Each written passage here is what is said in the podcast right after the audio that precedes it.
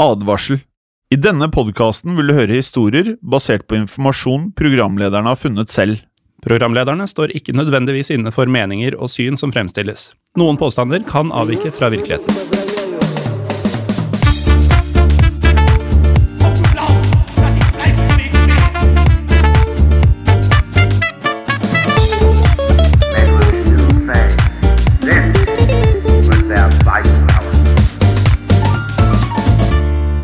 Og velkommen til en splitter ny episode av Historiebånden andre verdenskrig. Mitt navn er Jim Fosheim. Og mitt navn er Morten Galaasen. Vi skal prate annen verdenskrig, vi, Morten. Ja, eh, og vi skal snakke om eh, et sted som mange kjenner veldig godt til. Mm. Men en historie fra det stedet som jeg tror svært få kjenner noe særlig til. Ja. Og som alltid så må vi minne oss på at nå er det historiepodden andre verdenskrig. Vi har akkurat spilt inn vanlig historiepodden før dette.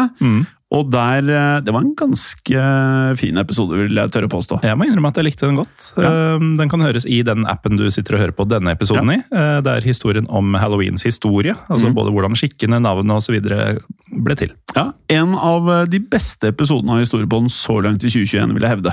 Det kan godt være, og det sier jo ikke rent lite med tanke på hvor seint inn i eh, 2021 vi er. Ja, Nei, Det var en eh, lekkerbisken av en episode. Eh, det vi skal prate om i dag, Morten, er eh, på sett og vis en ja, Det er å betrakte en kuriositet i eh, podkasten vår. Og jeg kan nevne at vi skal til et sted som jeg faktisk har vært. Har du vært der? Jeg har faktisk ikke det, Nei. men jeg skal tilbake til det landet, og jeg, da skal jeg definitivt innom der. Ja. For i dag, som mange allerede har lest i episodebeskrivelsen, så skal vi til Auschwitz, eh, men vi skal til det som for mange, og også oss, var et ukjent kapittel. Mm. Vi kan jo bare starte med, og for de av dere som ikke kjenner godt til Auschwitz, så var det eh, det var jo kjent som nazistenes aller største eh, dødsleir. Eh, noen kaller det konsentrasjonsleir. Og den var i drift fra mai 1940 til januar 1945. Eh, minst 1,3 millioner mennesker satt eh, fanget i Auschwitz under krigen, hvorav rundt 1,1 millioner av disse døde. Og av disse 1,3 millioner fangene, så skal vi i dag snakke om én av dem. Eh, Og det var en fange som ble kjent for å delta i boksekamper mot både tyskere og mot sine medfanger i Auschwitz. Og bokserens fulle navn var Tadeusz og så skrives det Pieter Sykowski. Jeg har fått høre at det uttales noe sånt som Pitsjikovskij. Eh, Men han ble ofte, eh, heldigvis, bare kalt Teddy, som da var et kjælenavn eller kallenavn for Tadeusz. Og vi velger jo derfor å bare bruke Teddy når vi snakker om han i dag, Jim. Ja. Uh, Vi skal uh, starte med å fortelle litt om uh, Teddys oppvekst, og hvordan han faktisk da endte opp i Auschwitz. Og Teddy han ble født uh, 8. april 1917 i Warszawa, altså Polens hovedstad. Og Faren til Teddy han var ingeniør, moren var lærer. Og selv om Teddy kom fra et borgerlig hjem, ble han trukket mot arbeiderklassens sport, som er boksing. Og Som tenåring så meldte Teddy seg inn i sportsklubben Legia Warszawa for å søke mulighetene som proffbokser. Ja, og i boksing så er det som mange kanskje vet flere vektklasser, og vektklassen til Teddy det var bantamvekt. Eh, Den klassen er for boksere som veier mellom 52,2 kilo og 53,5 kilo. Og navnet bantamvekt kommer eh, for øvrig da fra den eh, småvokste hønsearten bantam. Teddy han utmerket seg allerede i ung alder i bokseringen, og han fikk kallenavnet Teddy av sportspressen. Og da Teddy var blitt 20 år, og da vi kommet til 1937, så vant han bymesterskapet i Warszawa. Men eh, som mange idrettsstjerner, da, så eh, fikk han en skade som satte han ut av spill i neste par årene. Og karrieren hans ble i tillegg avbrutt av eh, dramatiske hendelser, som vi da skjønner, i hjemlandet hans. Ja, for 1.9.1939 så ble jo Polen invadert av Tyskland, og Teddy han meldte seg da til tjeneste i den polske hæren for å forsvare Warszawa. Jeg kan jo da bare skyte inn at Legia Warszawa, som var klubben han boksa for, Det var jo faktisk eh, hærens eh, idrettslag. Ja. Så mm, det er jo en naturlig vei å gå da, når du først var medlem i den klubben. Legia som i legionær, eller Ja, den delen Ja. av språket, ja. Eh, Og han ble jo da innrullert i en artilleritropp. Og mm, Warszawa var under beleiring av tyskerne i 29 dager før slaget var tapt. Dessverre så sier våre kilder lite om hva Teddy gjorde da tyskerne inntok byen, men vi vet at han klarte å unngå fangenskap. Og eh, tidlig i 1940 satte han da kursen mot eh, Frankrike. Ja. Planen var jo da å slutte seg til deler av den polske hæren, som da var i eksil i Frankrike. Men på veien til Frankrike så ble dessverre Teddy arrestert av ungarske grensevakter, og rett og slett da utlevert til tyskerne. Og etter arrestasjonen så satt Teddy i flere fengsler i det tyskokkuperte Polen på dette tidspunktet her, da. Og samtidig bygget nazistene flere nye konsentrasjonsleirer for nettopp polske motstandsfolk, slik at den 14. juni 1940 så ble Teddy sendt med den aller første massetransporten til Auschwitz, altså nazistenes nye fengselskompleks i den sørlige delen av Polen. Ja, og når du sier massetransport, Jim, denne transporten besto av ikke mindre enn 748 polske fanger. Og de fleste var, eh, kanskje noe overraskende, katolske motstandsfolk. Eh, For dette var før tyskerne hadde begynt å deportere jøder til Auschwitz. Eh, Det var noe som ble satt i gang først et par år senere. Da de første polske fangene da ankom Auschwitz, så ble de fortalt at de ikke ville overleve tre måneder her. Og Teddy han fikk fangenummer 77, som jo er et tydelig tegn på at han var en av de aller første som satte sine føtter i denne leiren. Ja, men eh, vi bør jo også nevne her at eh, blant fangene så var det da faktisk 30 tyske kriminelle. kriminelle. Ja, eh, og disse fikk eh, tittelen Capo av SS. Eh, og militærpolitiet var jo da de som styrte leiren. En capo var rett og slett en innsatt som eh, sto over de andre fangene i rang. Eh, og kapoer kom jo da fra eh, militær rang. Eh, og kapoene de sørget for disiplin blant fangene, ofte ved bruk av brutale metoder som vold og trusler. Og til gjengjeld så fikk kapoene privilegier, som f.eks. eget rom, de fikk tilgang på mer mat og også sivile klær. Ja, og Snart skal vi høre mer om én spesiell capo i historien om Teddy, men før det så skal vi se nærmere på Teddys første par år i Auschwitz. For det fantes nemlig en motstandsbevegelse innad i leiren, og fra mars 1941 så deltok Teddy i denne. En av motstandsaksjonene som de gjennomførte, skal ha vært et attentatforsøk mot Rudolf Høss. Ja, Ikke til forveksling med Rudolf Hess, som Nei. jeg pratet om i denne podkasten tidligere. Ja, og akkurat det her kunne jo vært en trykkfeil, men det er altså en helt egen fyr som du kan fortelle litt mer om, eh, Jim. Ja, Rudolf Høss han var en høytstående offiser han, i SS og øverste kommandant i Auschwitz.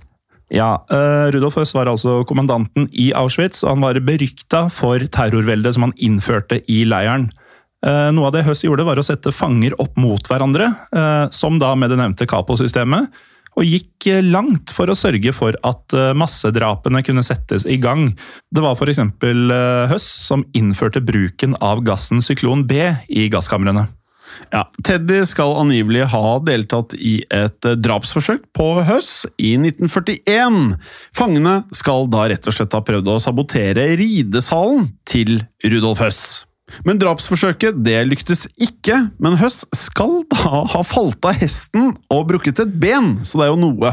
Ja, jeg skjønner ikke helt åssen du forventer mer skade enn det, egentlig, av å sabotere ridesalen. Ja, fordi Jeg er jo enig med deg, Morten, men eh, vi har egentlig ikke funnet den beste dataen på akkurat hvordan de prøvde å drepe Høss. Nei, det er for så vidt sant. Ja. eh, Men tyskerne de eh, anså hendelsen som en ulykke, og derfor så ble det ingen eh, etterforskning eller eh, funnet noen sabotører som de kunne straffe. Ja, og eh, altså For å ta litt videre det at vi ikke har så gode kilder på hvordan de gjorde ting, så er det en annen sak også, nemlig at Teddy og noen flere fanger, også angivelig, da, skal ha drept hunden til Høss, for deretter å koke og spise den. Men hvordan dette skal ha foregått, det er heller ikke kjent for oss. Ja, og nå skjønner man jo hvorfor dette er en kuriositet og ikke en lang episode. Det er begrensninger til hva vi finner av informasjon. Eh, Men hverdagene i Auschwitz eh, var eh, selvfølgelig alltid preget av lite mat, det var hardt arbeid, og det var, mishandling var noe som skjedde hver eneste dag. Ja, Fysisk og psykisk. Ja. Eh, Men det fantes én fritidsaktivitet som eh, var tolerert av SS, nemlig boksing. Eh, Og som vi har nevnt, så var Teddy profesjonell i nettopp denne grenen før krigen. Så det lå jo litt i kortene her at han eh, kunne da utmerke seg i nettopp boksing. Ja, og det hele skal ha starta på en vårsøndag i 1941. Eh, Da sto to av de tyske kapoene og boksa mot hverandre i en luftegård, mens en gruppe SS-offiserer satt og så på. Og Den ene kapoen her var Walter Duning. En høy og kraftig kriminell med bakgrunn fra nettopp boksesporten. Ja, Så han var da en av de som ble sendt inn, en av disse 30 eh, som ble sendt inn i eh, starten her. Eh, og SS-offiserene de eh, likte selvfølgelig da å se på disse boksekampene, og følte at det var en god form for underholdning. Men både offiserene og capoene var blitt lei av å bare sparre med hverandre for moro skyld, og lette nå etter nye motstandere. Og Det ble derfor annonsert for fangene at eh, den som meldte seg frivillig til å bokse mot nettopp Walter Duning, han skulle få en ekstra rasjon med brød. Eh, og som man må da også forstå her, så var jo mat av eh, høyeste viktighet. Eh, Det var en stor mangelvare i leiren, så dette her var jo noe som var en gedigen eh, gevinst for den som meldte seg. Eh, samtidig så var det få som ville ta sjansen på å gå i ringen mot en capo. Men Teddy han sa til vennene sine at han vurderte å melde seg. Og Ifølge Teddy så skal vennene ha advart han og sagt at uh, Duning vil drepe deg, han vil ødelegge deg. Og vennene hadde jo et poeng, for uh, pga. forholdene i leiren så var jo Teddy nå blitt svært avmagra. Og Duning tilhørte jo en i utgangspunktet mye tyngre vektklasse, angivelig rundt eh, 60 kilo tyngre, så dette er en fyr på over 100 kilo. da. Men eh, Teddy Altså Han er over dobbelt så stor. Rett og slett. Og det var jo da dobbelt så stor som eh, Teddy var før han havna i leiren. Så han kan jo fort ha vært nesten tre ganger så stor, for alt vi vet. Eh, Men Teddy han valgte likevel å gå fram og melde seg til boksekampen. Ja, og sånn Teddy har eh, beskrevet nettopp denne avgjørelsen i senere tid, var noe sånn som følger. Det var ikke tid til å tenke, det var brød å vinne. Jeg var sulten, og vennene mine var også sultne. Ja, og da skjønner man jo at det går som det går, da. Og Oddsen var jo imot Teddy da han gikk i ringen mot Walter Duning. Eh, Og det ble en hard kamp, dette er over flere runder, hvor eh, Teddy skal ha fått inn et slag med venstre, sånn at det blodet spruta fra ansiktet til eh, Duning. Og kampen den skapte jubel fra både offiserer, polakker og tyske fanger. Og dette var jo en merkverdig begivenhet for egentlig alle i Auschwitz, fordi man en liten stund glemte litt hvor man var og hva realitetene og hverdagene besto av. Og også da for fangene, ikke sant? Det er jo ikke så lett å tenke seg til, men mm. alt eh, som brøt med normalen, som var grusom, var jo sikkert en, en hyggelig eh, velkommen ting, da. Dessverre så er det noe uklart for oss, eh, Morten, hvem som faktisk vant denne boksematchen. Eh, noen sier nemlig at eh, Teddy vant på knockout, mens andre kilder sier at eh, kampen endte uavgjort. Men det er jo da enten Teddy-seier eller uavgjort som eh, de aller, aller fleste snakker om.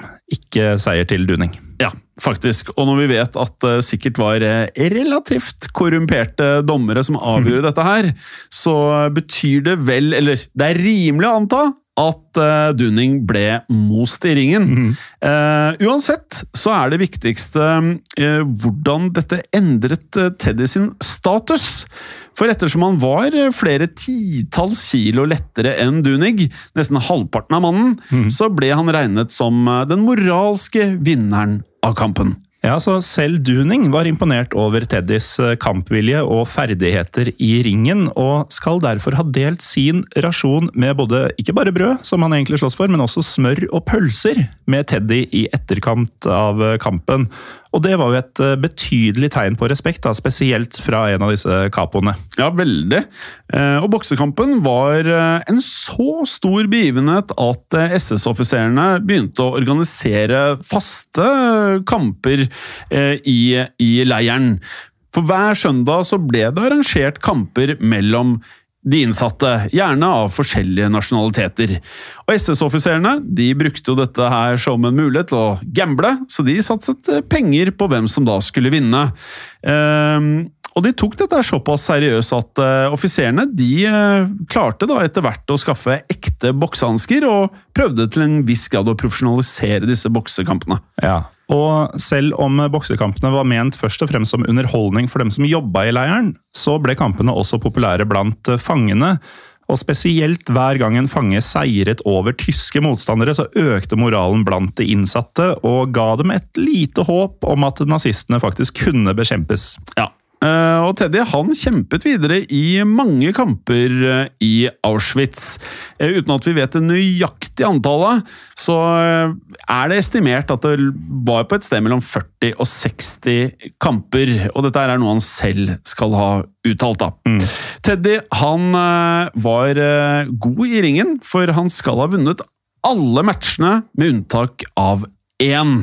Og det ene tapet det kom mot den nederlandske proffbokseren Len Sanders eh, sommeren 1942. Og tyskerne kalte Teddy for der Weissnebel, altså hvit tåke. Og de kalte han for Weissnebel fordi Teddy var så ekstremt god til å da unngå motstanderen sine slag, eh, så han skal da angivelig ha vært eh, like umulig å treffe som tåken. Ja, og Vi nevnte jo hvordan denne boksinga endra statusen til eh, Teddy. Eh, For i bytte mot å underholde SS med boksinga si, så mottok Teddy spesielle privilegier som sikra både hans egen og andres overlevelse. For eh, ikke bare fikk han lettere arbeidsoppgaver og flere kalorier, da i form av mat, men han delte også den ekstra maten han fikk, og takket være sin status i leiren så kunne han også skaffe medisiner til syke fanger og levere skjulte beskjeder for motstandsbevegelsen. Så på sett og vis, Morten, så eh, fremstår vel Teddy nesten som en helt. Ja, ikke bare nesten. Han var en helt, ja. Eh, Og Teddy han eh, bokset som sagt mot en lang, lang rekke med motstandere i Auschwitz. Eh, Som oftest så var motstanderne hans frivillige fanger. Mm. Og Teddy han prøvde å tilpasse stilen sin for å unngå å skade de. Det er det jo ikke alltid man ser i en boksering. Det er det ikke, og det var ikke alltid man så det i Teddys kamper heller. Nei. Men hvis han bokset mot uh, tyske kapoer, viste Teddy ingen nåde. Uh, og han likte også å forlenge kampene for å da underholde tilskuerne. Noen av de uh, motstanderne Teddy var spesielt varsom mot, var de jødiske bokserne som eh, steppa opp i ringen med han, fordi han visste at kampene rett og slett var mer farlige for dem. Det var nemlig risiko for at jødene som tapte kamper, ble banket opp av vaktene etterpå. Og i minst ett tilfelle så lot Teddy en kamp eh, ende uavgjort med vilje. Eh, Sånn sett så inngikk han et kompromiss da, eh, som både opprettholdt seiersrekka hans, men som også unngikk å skape problemer for den jødiske motstanderen. Ja, Så både er han, han er en helt, altså han, skap, han skaffer jo mat og medisiner til medfangene. Han eh, druser nazister i ringen. Eh, og han viser medlidenhet, spesielt overfor de jødiske fangene, ved å da også la kamper gå til uavgjort. Eh, men han er jo også oppi alt dette her, og det er viktig å få med. Eh, han var en showman. Han var det. Han var en showman, så det var jo ikke bare for overlevelse. Han tok en eh, viss form for glede i dette her, ved å la da disse kampene gå lengst mulig. Og så kan man jo spørre seg selv, var det for å underholde eh, de andre tilskuerne, eller var det mm, til dels det, men også fordi han syntes det var gøy? Ja. Det får vi kanskje aldri svaret på. Uansett så må det eh, sies at boksing ikke var et utbredt fenomen i Auschwitz, selv om vi nå prater mye om dette her nå. For vi skal da huske på, Morten, at de fleste innsatte her Nå, nå kan man jo eh, rive seg litt med her, men de fleste var jo ved så dårlig helse mm. og så underernærte eh, og slitne psykisk og fysisk at eh, det var ingen som hadde noe tid til å drive med idrett. Eh, og da er det en Renata Kuschik, som var en kurator for en utstilling om sport i Auschwitz, som skal ha uttalt at de aller fleste innsatte var så utslitte av sitt daglige arbeid at de rett og slett ikke kunne drive med idrett, selv om de hadde ønsket det. For å sette det hele i perspektiv, så var det sånn at man hadde så lite krefter at eh, ofte så var det faktisk slik at de innsatte ikke engang hadde krefter til å gå bort for å fysisk kunne se kampen. Nei.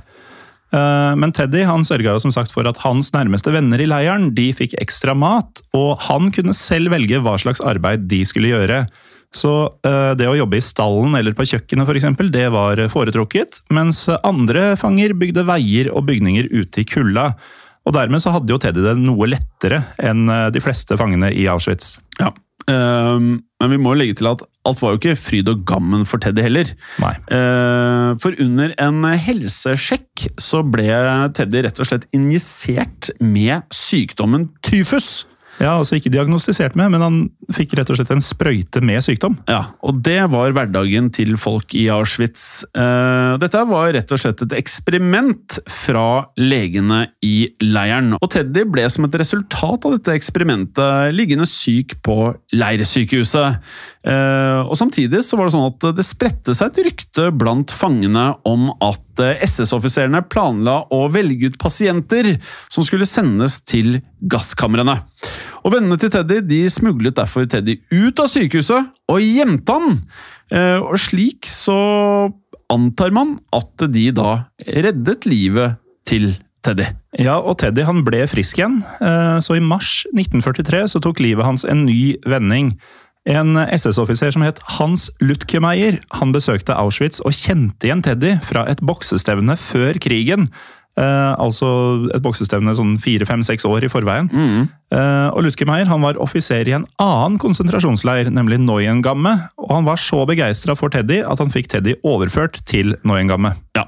Eh, Og helt kort, eh, Morten, så kan vi bare to ord om Neuengamme. Det var en eh, konsentrasjonsleir i Neuengamme, eh, som er eh, like i nærheten av Hamburg. Stemmer. Um, og etter hva vi uh, forstår, så var en av de tingene som uh, fangene drev med her, det var rett og slett å produsere murstein. Mm. Um, og skal ha vært en ikke av de største konsentrasjonsleirene, men over 100 000 fanger her også. Ja. Uh, og i Noingamme så fortsatte Teddy å bokse, han. Og han var like populær som han hadde vært i Auschwitz. Uh, angivelig så boksa Teddy minimum 20 kamper her også, og han fortsatte som eh, ubeseiret. Uh, den største seieren kom visstnok mot en annen innsatt, en tysk innsats ved navn Schalli Hottenbach, som visstnok skal ha vært eh, bokser også før krigen. Og Charlie Hottenbach han ble kun kalt Hammerslag. Eh, og det vitner om at du er en harding, vil jeg tro. Ja, eh, jeg hadde ikke hatt noe lyst til å møte en som heter Hammerslag i eh, noen som helst eh, setting, egentlig. Nei, ikke jeg heller. Eh, og Teddy han skal jo da igjen ha vært langt lettere, altså en mindre mann enn Hammerslag. Men vant likevel, uten at vi har klart å finne Ja, vi har ikke klart å finne nok detaljer til at vi har noe mer å si om selve kampen. Nei. Eh, Vi nevnte jo at eh, Teddy ble populær blant eh, de innsatte, Jim, men eh, suksessen hans i bokseringen den skal ha provosert eh, flere av SS-offiserene. Eh, Faktisk så mye at Teddy ikke følte seg trygg i leiren, og han klarte da å sørge for at han ble overført til en annen leir, nemlig Salzgitter. Og her eh, vet vi lite om oppholdet hans, men i mars 1945 så ble han overført til leiren Bergen-Belsen. Ja, og Vi kan jo legge til at uh, Salzgitter var å anse som en satellittkonsentrasjonsleir Og av en underleir nesten Ja. av eh, Neuengamme. Ja, helt riktig. Og uten at vi skal bruke mer tid på det i akkurat denne episoden, så var Bergen-Belsen ansett som en av de verste konsentrasjonsleirene under eh, krigen. Hva som er verst, er jo vanskelig å si noe om, men, men vi kan prate mer om det i en helt annen episode. Ja. Eh, Det at Bergen-Belsen var et fryktelig fryktelig sted, Ja. det er hevet over enhver tvil. Og det var altså her Teddy satt inntil leiren ble frigjort av britiske tropper i april 1945. Ja, og øhm, vi kan jo også legge til at øh, som i navnet, så lå øh, Bergen-Belsen i nærheten av eh, noe som heter Sellet i byen Bergen. Og Bergen-Belsen var opprinnelig satt opp for å rett og slett stue Krigsfanger. krigsfanger. Etter frigjøringen så gikk Teddy inn i den polske hæren, der han organiserte idrettsaktiviteter for sine medsoldater. Og i 1946 så ble han eh, boksemester i sin eh, militærdivisjon. Og samme år var Rudolf Høss vitne i rettsoppgjøret med de ledende nazistene, kjent som, som vi har pratet om mange ganger før, Nürnberg-prosessen. Året etter ble Høss eh, selv stilt for retten i Polen, siktet for sine krigsforbrytelser i nettopp Auschwitz. Og da ble nemlig Teddy kalt inn til å vitne mot Høss. Og Høss ble dermed dømt til døden, og den 2. april 1947 så ble han hengt i nettopp Auschwitz. Men eh, Teddy han levde videre, og han prøvde å fortsette boksekarrieren sin. Men han skal ha slitt mye med sykdom, eh, uten at vi har funnet svar på hva slags sykdom det dreide seg om. Det vi vet, er at eh, etter krigen så boksa Teddy 17 offisielle kamper, hvorav 15 var seire og to endte uavgjort. I eh, 1959 så ble Teddy ferdig utdanna som gymlærer, eller kroppsøvingslærer. Eh, Resten av livet jobbet han som eh, lærer og boksetrener i byen Bielsko-Biala. Og i 1991 så døde Teddy, 74 år gammel. Ja, og idet vi kom over denne historien her, Morten, så det første som slo oss dette her Altså, boksing eh, under eh, et opphold un i en konsentrasjonsleir. Dette må det jo være filmer eh, laget eh, av. Ja, Og det er ikke tilfeldig at du sier filmer i flertall. Nei, det er ikke tilfeldig, for det er etter hva vi har forstått, i hvert fall laget to filmer om livet til Teddy Pitsjikovskij. Eh, Den første kom i 1962 og var en slovakisk film med tittelen Boxer Ashmirt, som betyr The Boxer and Death. I 2021 kom en polsk film ved navnet The Champion. Og det føles som en passende tittel på en film om eh, Teddy. Ja, det føler jeg. Eh, Selv om Teddys historie kanskje er mest kjent, så var det flere boksere i Auschwitz som har blitt gjenstand for eh, både biografier, altså bøker, og filmer. Den gresk-jødiske bokseren eh, Salamo Aruch og polakken Antoni Czortek er gode eksempler på dette. Aruch ble faktisk portrettert av ingen ringere enn Willem Dafoe i filmen Triumph of the Spirit fra 1989. Og dersom man ønsker å vite mer om boksing i eh, denne dødsleiren, så kan vi anbefale å sjekke ut historiene til Aruch og Chortek. Kanskje velger vi å ta et dypdykk i Aruch og Chortek. Kanskje. Ja, for da kan vi lage flere episoder om boksing. Det hadde vært noe. Ja, det hadde vært noe. Uh, uansett, vi uh, takker for uh, i dag. Ja, og eh, om det ikke er nevnt eh, nok ganger, så er det bare å følge og like oss eh, på Historiepodden Norge på Facebook og Instagram. Og gjerne bli medlem av Facebook-gruppa vår Historie for alle. Ja, Og hjelp oss veldig gjerne å komme opp over eh, 500 ratinger på iTunes. Og så kan vi legge til at vi har eh, eh, rekord måned, rekord uker, egentlig hver eneste uke og hver eneste måned. Så takk for at dere setter eh, pris på podkasten. Ja, hver eneste en av dere som hører på fortjener en eh, egen takk. Men eh, i mellomtida så må vi bare si at eh, det har skjedd. Og det kan skje igjen. Ha det. Ha det bra. I produksjonen av Historiepodden så ønsker vi å takke Håkon Bråten for lyd og musikk. Takk til Felix Hernes for produksjon. Takk til Ellen Froktenestad for tekst og manus. Og takk til deg, Morten Galesen, for programlederrolle. Og takk til deg, Jim Fosheim, for programlederrolle. Moderne media. Kiwi er billigst i VGs matbørs og har vært billigst i fire av de fem siste VGs matbørser. Og nå presser vi prisene på frukt og grønnsaker. På 200 gram broccolini setter vi prisen til 24,90. På 400 gram Cevita blåbær setter vi prisen til 49,90. Og husk, alle Kiwi Pluss-kunder får i tillegg 15% trumfbonus på all fersk frukt og grønt. For det er vi som er prispresserne. Og vi i Kiwi gir oss aldri på pris.